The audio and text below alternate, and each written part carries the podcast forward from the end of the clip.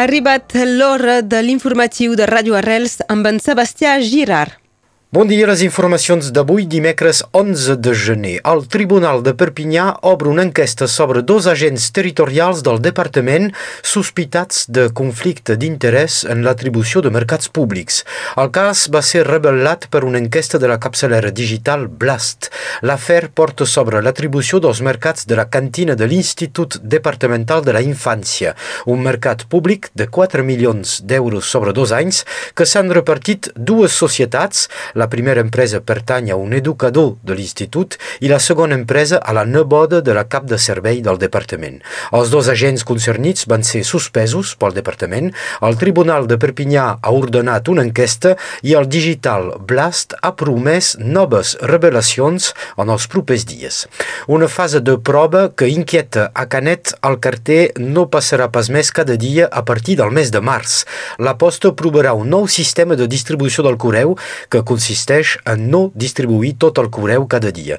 Les cartes prioritàries, els paquets i la premsa seguiran com ara, però la resta del correu serà distribuït dia sí, dia no. Aquesta prova genera preocupació i els sindicats hi veuen a mitjà termini probables supressions de llocs de treball.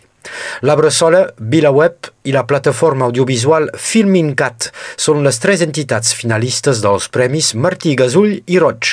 Aquests premis, convocats per la Plataforma per la Llengua, recompensen cada any persones o entitats que s'hagin destacat en la defensa o la promoció de la llengua catalana. La votació en línia és oberta fins al 5 de febrer. El guanyador s'anunciarà a l'acte de lliurament dels premis que tindrà lloc per primera vegada al Palau de la Música de Barcelona Barcelona amb motiu del desè aniversari dels premis.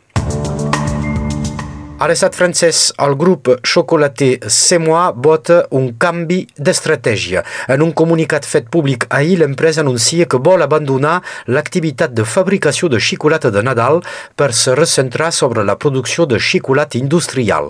Aquest canvi d'estratègia genera una reestructuració al si del grup. Semois vendrà al siti de producció de la Loire, tancarà la seva fàbrica de la Mosela i suprimirà 30 llocs de comercials arreu de l'estat francès. Els dirigents de l'empresa expliquen que aquesta reestructuració s'efectua per garantir la seva perennitat. En rugby a 13, els dracs catalans acceleren la seva preparació amb un estatge d'una setmana a l'Empordà, a Torre Mirona. Manca sols un mes abans de la represa de la Superliga. Els entrenadors Steve McNamara i Thomas Bosch per fi poden comptar sobre un grup complet. Enguany la pretemporada ha estat pertorbada per les vacances dels internacionals que van jugar la Copa del Món. Els cinc fitxatges, tres abans i dos tres quarts, també han integrat al grup. I per acabar, al Vallespí les festes de l'os ja tenen dates. Apunteu el 5 de febrer a Arles de Tec, el 19 a Prats i el 26 de febrer a Sant Llorenç de Cerdans. Serà la primera edició d'unes festes de l'os ja reconegudes oficialment per la UNESCO.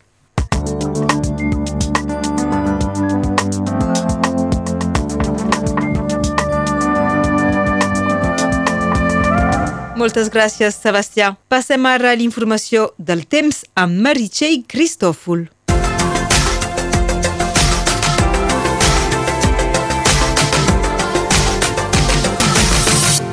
Bon dia. La tramuntana bufa fort avui. S'anuncia ràfegues màximes de 65 km per hora, possibles ruixats aquesta tarda del costat del Conflent i es preveu una caiguda de neu a finals de tarda al Capcí i a Cerdanya, de què fer ple als aficionats d'esquí.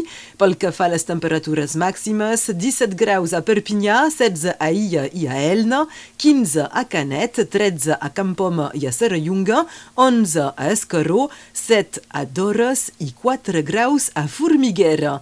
Aquesta tarda el sol s'apondrà a les 5 hores i 35 minuts i avui celebrem Santa Hortència.